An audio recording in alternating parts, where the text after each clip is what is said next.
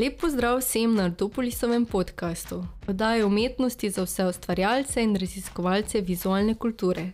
Z vami sem Sanja Zamoda, danes pa bomo govorili o ilustraciji in njenem odnosu do besede.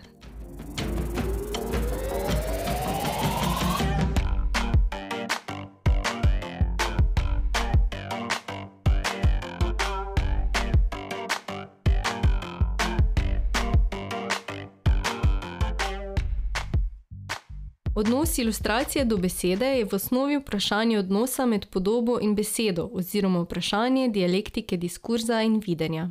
Če je nekoč bilo med besedo in podobo rivalstvo, pa sedaj po slikovnem obratu temu naj ne bi bilo več tako.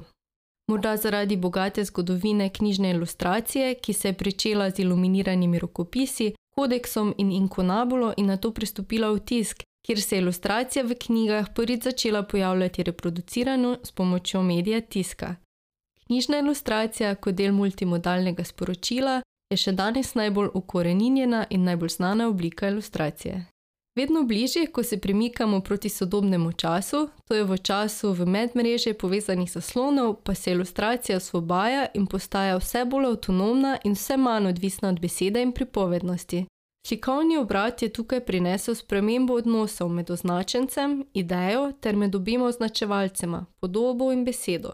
Po slikovnem obratu sta namreč beseda in podoba in s tem beseda in ilustracija enakovredna in medsebojno neodvisna označevalca prvotnega označenca. Ta prvotni označenec je ideja, misel, še nematerializirano sporočilo, ki pa se sedaj lahko z enako verjetnostjo odejani v besedilu ali v podobi. Ilustracija in beseda lahko obstajata neodvisno, avtonomno, vsaka zase, ali pa se združujeta v obliko, ki jo Mičel imenuje kompozitna umetnost.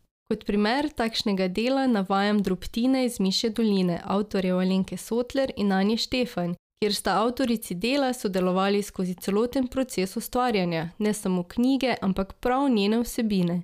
Gre za primer ilustracije kot del kompozitne umetnosti po slikovnem obratu, kjer podoba in beseda enakovredno zastopata označenca, idejo oziroma vsebino dela. Prva oblika odnosa, ki ga vzpostavlja ilustracija z besedo, je tako sodelovanje v kompozitni umetnosti. Gre za način pojavljanja ilustracije v multimodalnem sporočilu, kjer beseda in podoba nastopata kot enakovredna označenca, ki vsak po svoje prispevata k oblikovanju končnega kompozitnega sporočila. To je lahko v obliki ilustrirane knjige, animiranega filma, stripa in tako dalje. Naslednja oblika odnosa, ki ga ilustracija spostavlja z besedo, je diafanična. Če je ekfraza besedni prikaz vizualne reprezentacije, pa je diafanija prav obratno. Diofanija je vizualni prikaz besedne reprezentacije.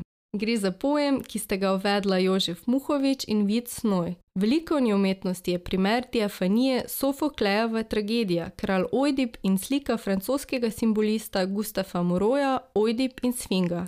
Ne gre za to, da Murojeva slika prikazuje prizor iz kralja Ojdipa, ampak da ga povzema in hkrati združuje elemente zgodbe, ki se časovno v tragediji ne dogajajo istočasno. Če ta pojem prenesemo v ilustracijo, bi lahko govorili o diafanični ilustraciji.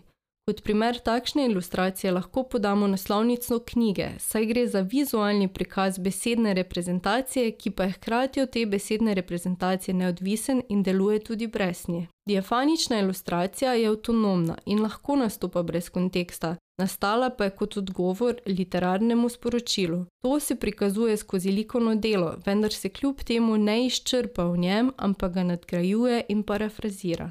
Ilustracija v kompozitni umetnosti je kot enakovreden označevalec zrasla skupaj z besedo v eno celoto. Diafanična ilustracija pa deluje brez konteksta, a se rojeva v literaturi. Zanima me naslednje: ali obstaja ilustracija, ki lahko deluje brez konteksta, avtonomno, a ni nastala v povezavi z verbalnim sporočilom? Morda lahko odgovor najdemo v naslednjih primerih: kot v posledici slikovnega obrata podoba slika teorijo o sami sebi. Ta teorija nastopa v obliki metaslik, ki so slike, ki govorijo o samih sebi, o načinu, kako slike delujejo in kako deluje videnje. Tako obstajajo tudi meta ilustracije, ilustracije, ki govorijo o tem, kaj je ilustracija, kot likovno delo, kot način likovnega razmišljanja, kot način sporočanja in prikaza dela ilustratorja. So ilustracije, ki govorijo o ilustraciji in tako slikajo, ali bolje rečeno, ilustrirajo svojo lastno teorijo.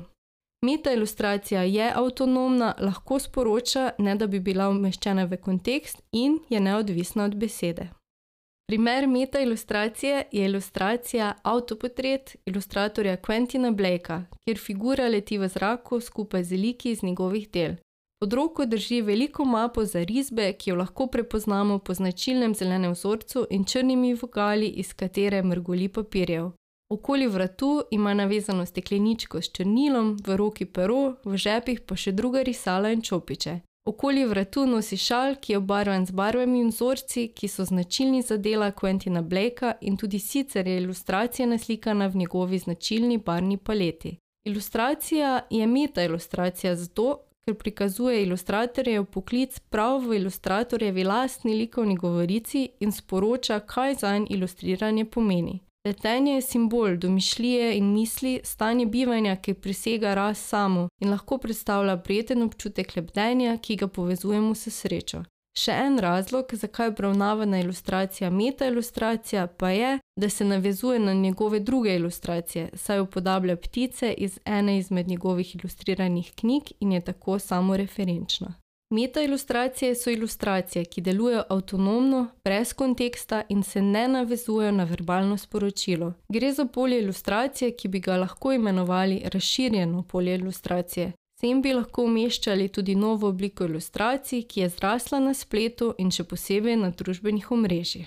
Na družbenem omrežju Instagram je na ogled ogromno ilustracij, ki niso nastale kot odgovor na verbalna sporočila ali po želji naročnika, niti ne nagovarjajo mlajših občinstev, niti ne oglašujejo ali razlagajo, a še vedno gre za ilustracije. Kako lahko to vemo? Morda je tisto, kar te ilustracije v razširjenem polju ilustracije označuje za ilustracije, prav to, da same sebe umeščajo v polje ilustracije. Vsaka slika na Instagramu ima pripete oznake v obliki hashtagov, in če avtor na Instagramu svojo podobo označi z besedami, kot je ilustracija ali knjižna ilustracija, lahko sklepamo, da to podobo umešča med ilustracije, čeprav bi jo lahko umestil tudi kam drugam. Razširjeno polje ilustracije je to, kar danes izpodbija stare definicije ilustracije, ki pravijo, da mora biti ilustracija umeščena v kontekst in da gre za podobo, ki nastaja po naročilu. Ne samo, da ilustracija postopoma zapušča navezavo z besedo, ilustracija danes ne nastaja samo kot naročilo, ampak nastaja kot pristna potreba avtorja po samoizražanju in uveljavljanju v tem polju, institucionalnem polju ilustracije, kot tudi razširjenem polju ilustracije, kjer je ilustracija neodvisna od besede in obstaja avtonomno.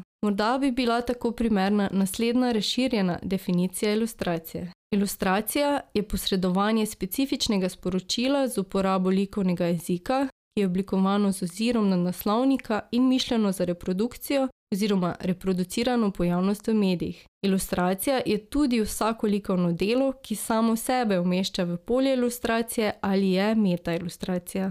Kakšen je torej odnos ilustracije do besede danes? Ilustracija kot enakovreden označevalec lahko z besedo, prvič, sodeluje v kompozitni umetnosti. Ilustracija kot element kompozitne umetnosti je del večje celote, načeloma pa ni avtonomna, naprimer ilustrirana knjiga. Drugič, diafanična ilustracija nastaja kot odgovor na verbalno sporočilo in lahko nastopa avtonomno, naprimer naslovnica knjige. Tretjič, Ilustracija znotraj razširjenega polja ilustracije pa nastaja hkrati neodvisno od verbalnega sporočila in hkrati avtonomno, naprimer meta ilustracija in ilustracije na Instagramu. To so trije odnosi ilustracije do besede, preko katerih sem opredelila različne načine pojavljanja ilustracije in so mi pomagali pri razmišljanju o tej kompleksni obliki vizualnih komunikacij. Hvala za poslušanje. S vami sem bila Sanja Zamuda.